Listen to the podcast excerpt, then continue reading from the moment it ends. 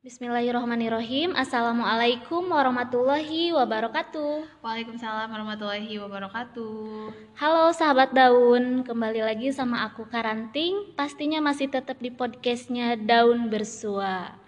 Nah, eh, kebetulan hari ini bukan kebetulan sih, tapi emang selalu setiap podcast aku ditemenin partner.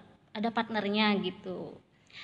Eh, kita kenalan aja langsung ya ke partner aku hari ini. Halo kak.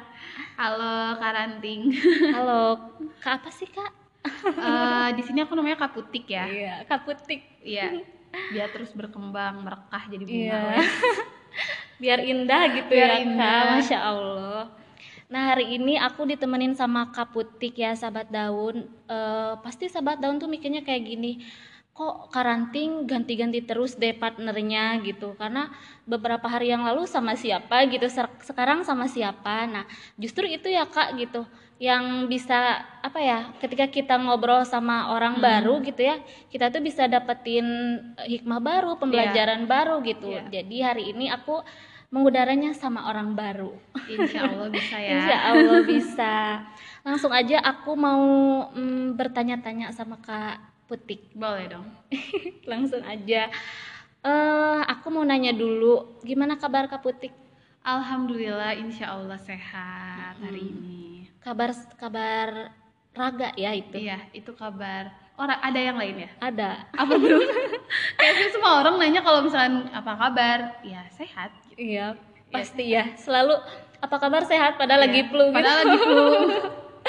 ya jadi eh, mungkin orang lain tanyanya perihal kabar eh, diri aja Hmm. tapi kali ini aku bakal nanya kabar yang lain kepada Kak Putik ya sahabat daun nah eh, gimana kabar jiwa kondisi jiwanya kak Wow, agak sulit ya ditanya kondisi jiwa tuh kayak kaget antara tumben nih ada orang yang nanya soal eh, kondisi jiwa. kondisi gitu. jiwa gitu, Kalau ditanya soal kondisi jiwa hari ini, insya Allah baik-baik aja. Hmm. Gitu nggak sih jawabannya kalau jiwa tuh baik kali ya? Hmm. Baik, insya Allah baik-baik aja.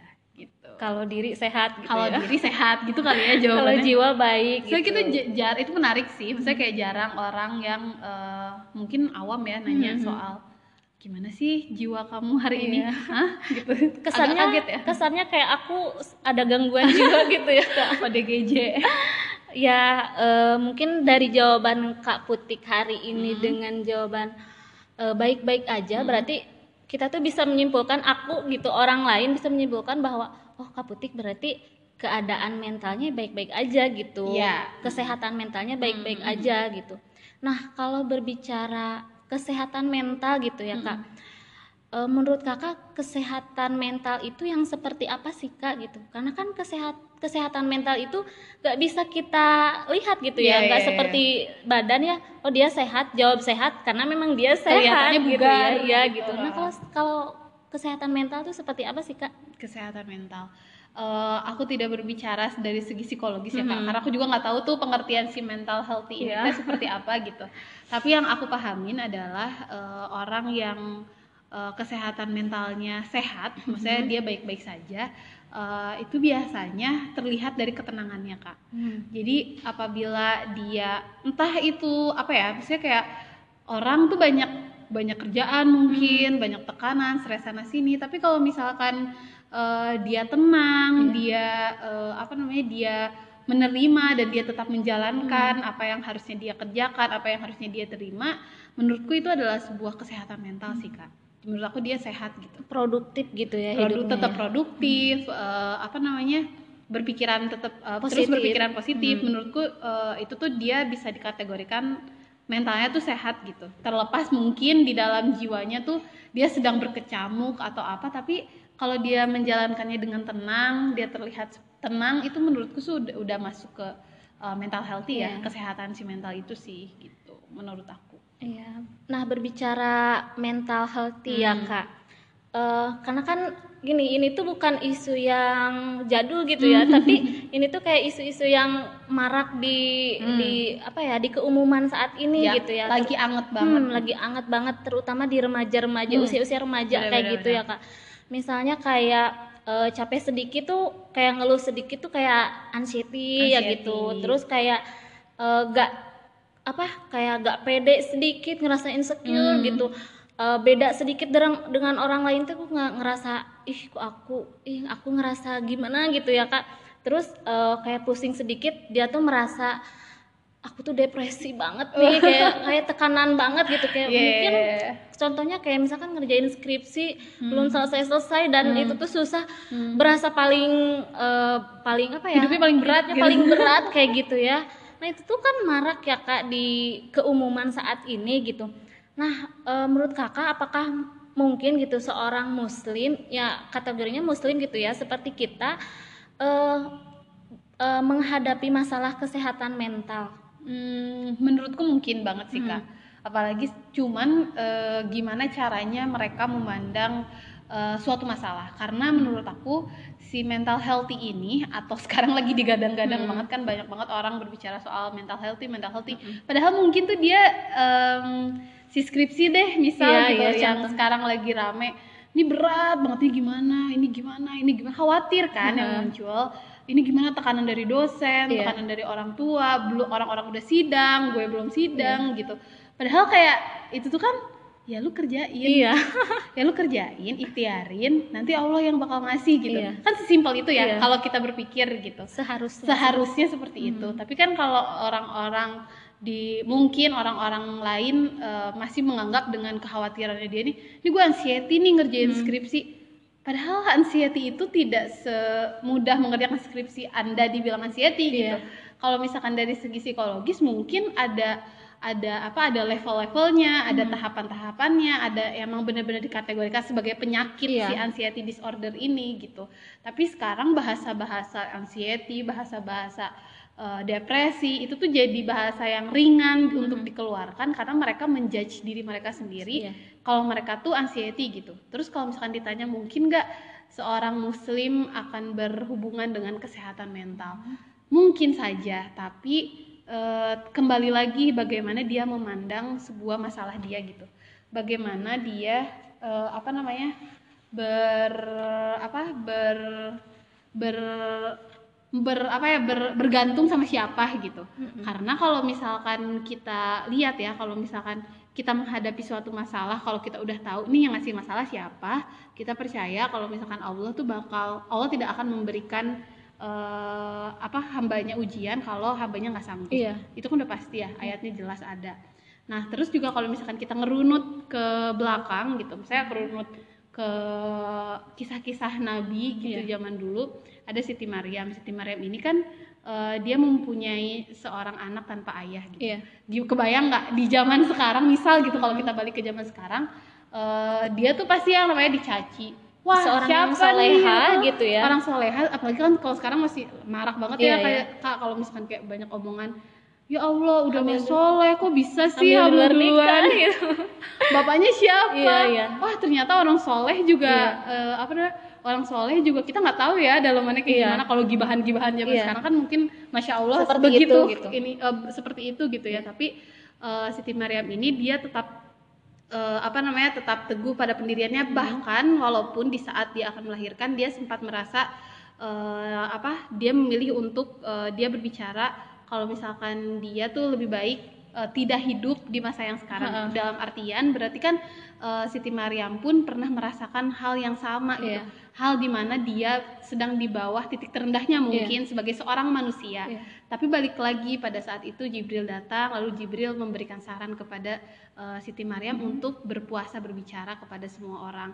Berarti kan di situ kalau misalkan kita balikin lagi ke real life-nya zaman sekarang berarti itu tuh kayak itu tuh udah jelas gitu Allah tuh memberikan sebuah isyarat bahwa di saat kamu merasa tidak baik-baik saja di saat kamu merasa semua orang tidak berpihak sama kamu atau kamu menyebut diri kamu kena mental healthy kamu tuh tinggal nggak emang nggak semudah itu cuman kayak kamu tuh coba percaya kalau misalkan segala sesuatu tuh udah ada yang mengatur yaitu Allah Allah Iya. tidak akan memdiamkan kamu Iya. di saat kamu mempunyai ujian dan di saat orang-orang berbicara apa pun tentang kamu kamu diem aja gitu Mhm. itu kan udah tersirat ya Iya. saya kayak di apa namanya di kisahnya Siti Maryam seperti itu dan kita tinggal relatable sama hari ini gitu Iya. kayak kamu tinggal diem biarin orang mau ngomong apa nanti semua nanti semua tuh bakal kejawab gitu Iya. Allah tuh baik kok gitu dia tuh bakal ngejawab eh, apa orang-orang yang berbicara tidak baik tentang Hmm. kamu ya mereka akan melihat sendiri kebenarannya Iya. bahwa soalnya kalau kebenaran kan pasti diungkapin Iya, ya Allah pasti. tuh sebaik itu gitu masya Allah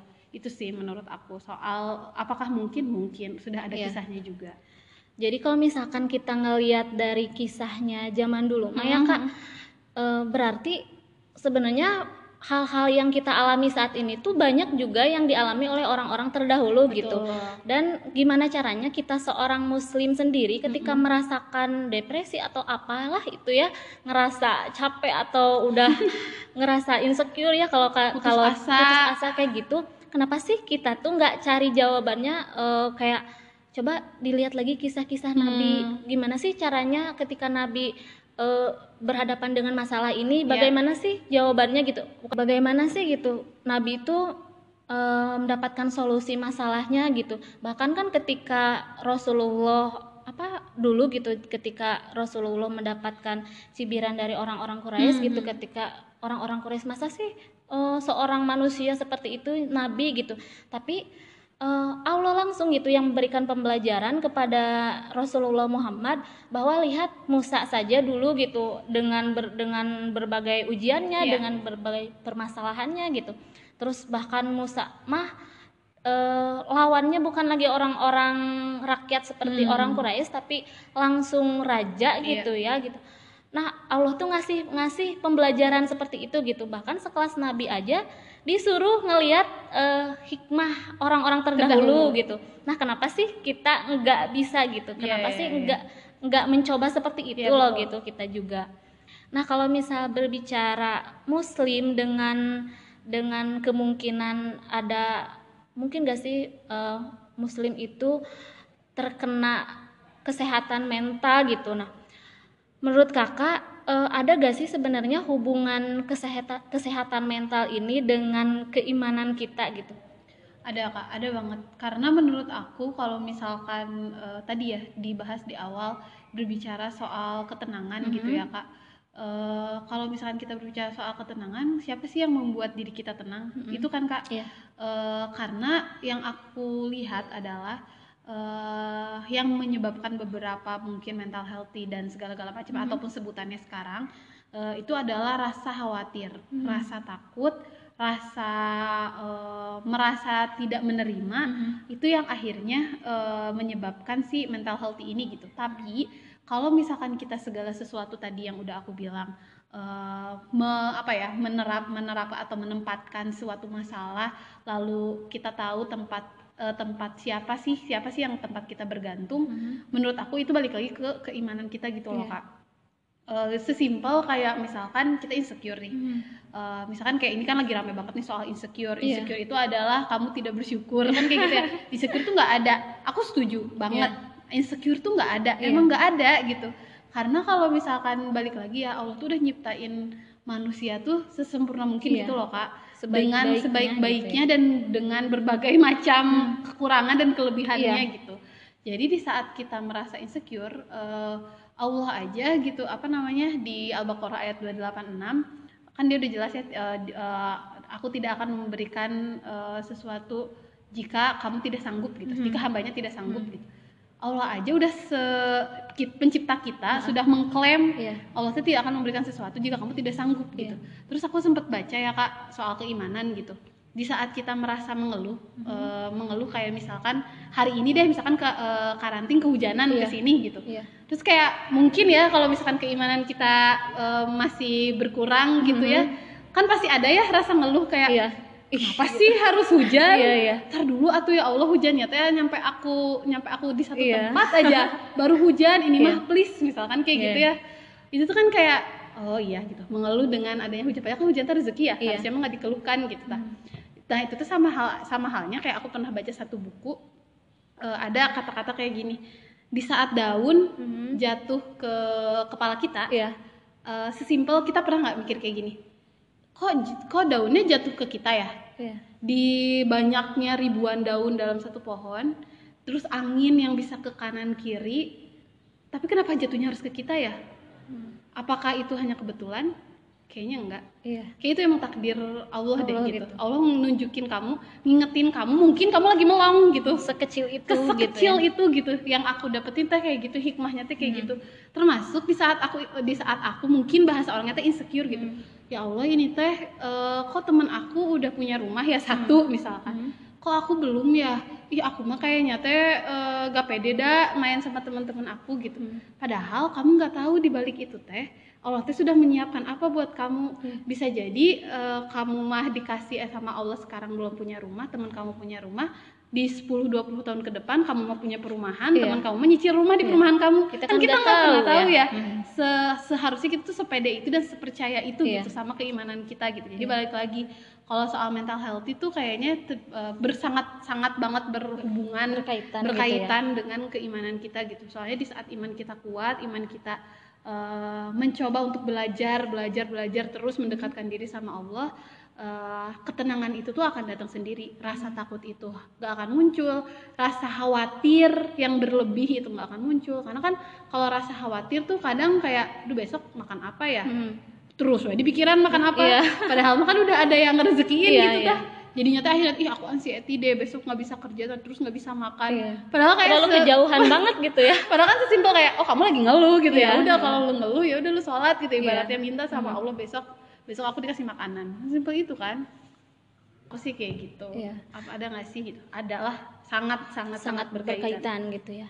Nah, kalau misalkan orang yang terkena nih, yang terkena eh, gangguan mentalnya, kesehatan mentalnya terkena dan orang tuh orang tuh banyak yang bilang kayak gini, "Eh, mungkin iman kamu eh, Lemah." kurang. Nah, eh, kakak sendiri gimana tuh tanggapan terhadap orang-orang yang mudah banget gitu kayak ke orang tuh ngejudge bahwa ketika orang lagi ngerasa mungkin down atau Hmm. stres dikit gitu, ya kamu lemah imannya sholat gitu nah Enggak. itu tuh dibenarkan gak sih aku sih enggak sih kak Hmm. Maksudnya kayak aku tidak tidak menyetujui aku tidak tidak serak Hmm. dengan orang yang judging Iya. gitu maksudnya ya kita nggak tahu kan ya masalah orang itu seberat apa Iya. masalah orang bagaimana dia memandang tadi memandang sebuah Hmm. masalah terus misalkan kayak kita lagi lagi riut gitu terus orang tiba-tiba ngomong dengan enaknya ih mana mah imannya lemah gitu Iya. ih lu mah eh, apa sih nggak nggak punya Tuhan ya Iya. misalkan kayak Iya. gitu sholat atuh misalkan Iya. kan cuma kayak gitu kan mungkin di or di beberapa orang mah kayak ih apa sih bukannya dia menerima yang ada tuh dia malah Iya. membalik gitu kayak ih cina orang muslim tapi Iya. kok nggak bikin orang tenang tapi kok Benar. ketenangannya dia tuh nggak sampai di kita gitu Iya. kalau aku sih kurang setuju sih kak Hmm. walaupun pada dasarnya mungkin iya gitu Hmm. maksudnya pada dasarnya iya yang tadi eh, apa si mental health ini akan berkaitan dengan, dengan keimanan, keimanan. tapi secara teknis Mhm. eh, jika kita menghadapi atau menemui orang-orang eh, yang mungkin sedang berada di masa sulitnya dia eh, lebih baik sih kita ya tadi kan Islam memberikan ketenangan Iya. ya Eh, berarti gimana caranya kita berbicara dengan mereka dengan tetap membalikan kepada Allah Iya. dengan tetap membalikan semua masalah itu dilihat dari sudut pandang eh, Allah Hmm. Eh, tapi dengan cara yang membuat eh, dia tenang gitu Iya. karena kan kadang orang-orang yang punya masalah ini mereka tuh butuh didengar Hmm. mereka tuh butuh didengar mereka tuh butuh cuman sekedar kayak ya udah lu ada masalah sini cerita ke gue Iya. cerita lu Dengerin apa aku. dengerin aja dulu Hmm. gitu dengerin aja dulu dianya nanti setelah dia selesai bercerita Hmm. meluapkan semua emosinya baru di situ kita kayak eh, apa namanya masuklah gitu Iya. Eh, bagaimana cara dia menenangkan dia ya udah tenang coba deh gitu Iya. Eh, kita bawa lagi cerita kita bawa beberapa kasus yang mungkin akan terengehkan juga Iya. sama dia gitu yang emang relate juga buat Hmm. dia itu sih menurut aku kalau misalkan berbicara ketika orang stres gitu ya kak Hmm. kan banyak ya orang-orang tuh stres dan saat ini tuh eh, orang-orang tuh mudah datang ke psikolog gitu Hmm. jadi eh, ketika dia ngerasa dikit-dikit apa dia langsung ada kan blognya ya Ada, ada untuk banyak. untuk cek diri Iya, itu iya, sebenarnya banyak, seperti apa sih gitu terus Hmm. ada juga yang langsung datang gitu Hmm. nah menurut kakak sebenarnya itu pun dibenarkan nggak sih gitu Mahal sebagai ya, seorang psikolog. muslim gitu ya kita yang punya Tuhan gitu ya Iya, iya, intinya iya. yang punya ke- harusnya dengan keimanan dan Allah tuh udah udah menjadi jawaban gitu nah Hmm. kira-kira gimana kak Eh, sebetulnya kalau misalkan dia tidak mempunyai mungkin butuh orang sosok untuk bercerita Mhm. secara real gitu. Kak. Maksudnya kayak secara pertemuan Mhm. gitu. Eh, menurutku sih ya mangga-mangga aja gitu Iya. jika men- asal dia tidak uh, apa ya tidak menjadikan si psikolog ini sebagai uh, apa ya sosok sosok ataupun pengobatnya gitu loh Iya. kak menurutku sih nggak aku juga kurang tahu ya cuma menurutku Hmm. sih oke oke aja gitu Uh, tapi kalau misalkan tadi dibalik uh, dibalik lagi kalau misalkan dianya sudah paham dan sudah tahu dan sudah menemukan uh, siapa sih sebenarnya sosok si pengobat dan si pemberi ketenangan itu ya menurutku tidak perlu mahal-mahal kamu uh, ke psikolog misal dengan ngeluarin uang sekali terapi berapa ratus ribu Hmm. atau sampai jutaan kayak jika dia paham dan dia mau memahami sesimpel kayak kamu uh, wudhu kadang ya kak kalau kita lagi stres ngerasa nggak sih? Kalau udah wudhu tuh sedikit menenangkan Iya. gitu loh kak. Agak fresh gitu sedikit. Lagi udah duduk di Apalagi- sejadah gitu ya kak. Pada diem gitu ngehuleng gitu. Ya Allah ini tuh kenapa ya Iya. gitu. Curhatnya kan kalau curhat itu kan berarti curhat ke pemberi masalah Iya. ya Ya balik lagi gitu. Kalau kita minta rezeki ya ke yang punya rezeki. Kalau kita curhat ke yang eh, di saat kita ada masalah ya ini kan udah ditakdirin sama Allah udah dikasih masalahnya sama Allah. Yang tahu kita sanggup atau enggak yang tahu kapan ini selesainya atau enggak kan Allah ya balik Iya. lagi. Harusnya sih di saat seorang muslim paham soal konsep itu ya dia tidak perlu untuk eh, apa ya namanya jauh-jauh ataupun eh, apa eh, berusaha untuk cari psikolog Hmm. atau segala-gala macam gitu mungkin dengan bertemu dengan eh, teman-teman yang eh, soleh gitu Iya. kak yang soleha yang mungkin ketemu dengan mereka aja mereka sudah bisa mengingatkan gitu Iya. kamu tuh kalau misalkan di saat ngerasa mental healthy atau ngerasa insecure ataupun tadi anxiety dan Hmm. segala-gala macam beda halnya kalau sudah masuk ke terapi ya kak kalau Iya. terapi mungkin itu ya ikhtiarnya lah gitu ranahnya mereka atau yang yang sampai ada kan kalau orang yang benar-benar bipolar orang yang benar-benar depresi kak Hmm. eh, itu tuh dia aku juga pernah menemukan temen dia tuh emang benar-benar nggak bisa ngapa-ngapain kayak dia benar-benar duduk di pojok dipegang sama orang tuh itu kan udah nggak sadar ya. Itu beda halnya gitu. Kalau Iya. orang udah Udah penyakit sedepresi ya, dan Kak, ya? penyakit itu ya mungkin dia membutuhkan sebuah terapi Iya, psikologi gitu. Tapi kalau kita baru yang ya Allah gitu baru gitu mah atuh, doang soal skripsi belum Atuh. selesai gitu ya kak. Bisa diselesaikan atuh, gitu itu ya masih bisa diselesaikan masih bisa ngobrol sama temen Iya. masih bisa ngobrol apalagi ngobrol sama Allahnya langsung gitu. Kan ngobrol sama Allah bisa di mana aja ya. Iya. itu sih menurut aku Ya, nah eh, mungkin emang harus segalanya tuh dibalikin lagi sama Iya, itu sih, sang Kak. pemberi sang pemberi. masalah, entah masalahnya insecure atau apa-apa gitu ya, tetap gitu ketika kita eh, mengaku beriman dan beragama Islam gitu ya kak, apa pun eh, yang terjadi sama kita tetap kita harus eh, menggantungkan, mengkaitkan lagi, oh ya udah aku terima ini karena ini udah apa ya, udah ketentuannya Allah gitu, sehingga kita tidak merasa eh, apa ya, nggak merasa bahwa aku nih paling buruk di dunia, aku nih paling menderita di dunia. Benar. Padahal Allah tuh mengirimkan apa ya, mengirimkan segala masalah tuh kalau kata Kak. Ranting tadi beserta solusinya dan sesuai kemampuan betul, kita, gitu, eh, sesuai kemampuan. sesuai kemampuan diri kita ya kak. Gak melebihi batas kemampuan kita ya Hmm. kak gitu Allah mah. Dan itu yang harus selalu kita apa ya harus selalu kita tanamkan dalam diri gitu Iya, sehingga nggak nggak akan ada pemikiran-pemikiran bahwa aku ini mm, mempunyai penyakit seperti ini ya gangguan mental seperti kayaknya itu aku gitu ya. deh padahal kayak aku cuma capek butuh tidur gitu Nah, gitu ya sahabat daun. Jadi jangan terlalu ngejudge diri Hmm. bahwa aku nih eh, apa orang-orang yang seperti apa gitu dan harus pergi ke psikolog gitu.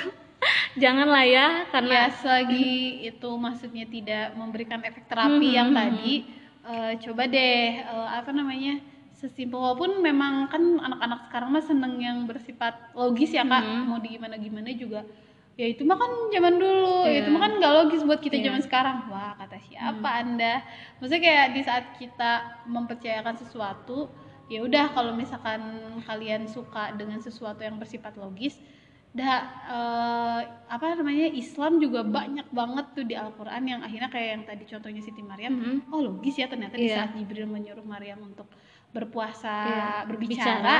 ya itu ternyata Iya. efeknya ya sama relate sama yang sekarang Iya. gitu di saat kamu dijudge banyak orang kan sekarang banyak juga Iya. orang mau non muslim atau muslim yang selalu bicara kalau ada orang yang ngejudge diamin aja, Diam aja, padahal itu benar. udah ada ayatnya Iya, iya, gitu perintahnya tuh udah ada gitu sesimpel itu kalau misalkan eh, mereka berbicara soal logis sih kak menurut aku. Ya nah mungkin itu aja obrolan kita hari ini ya kak.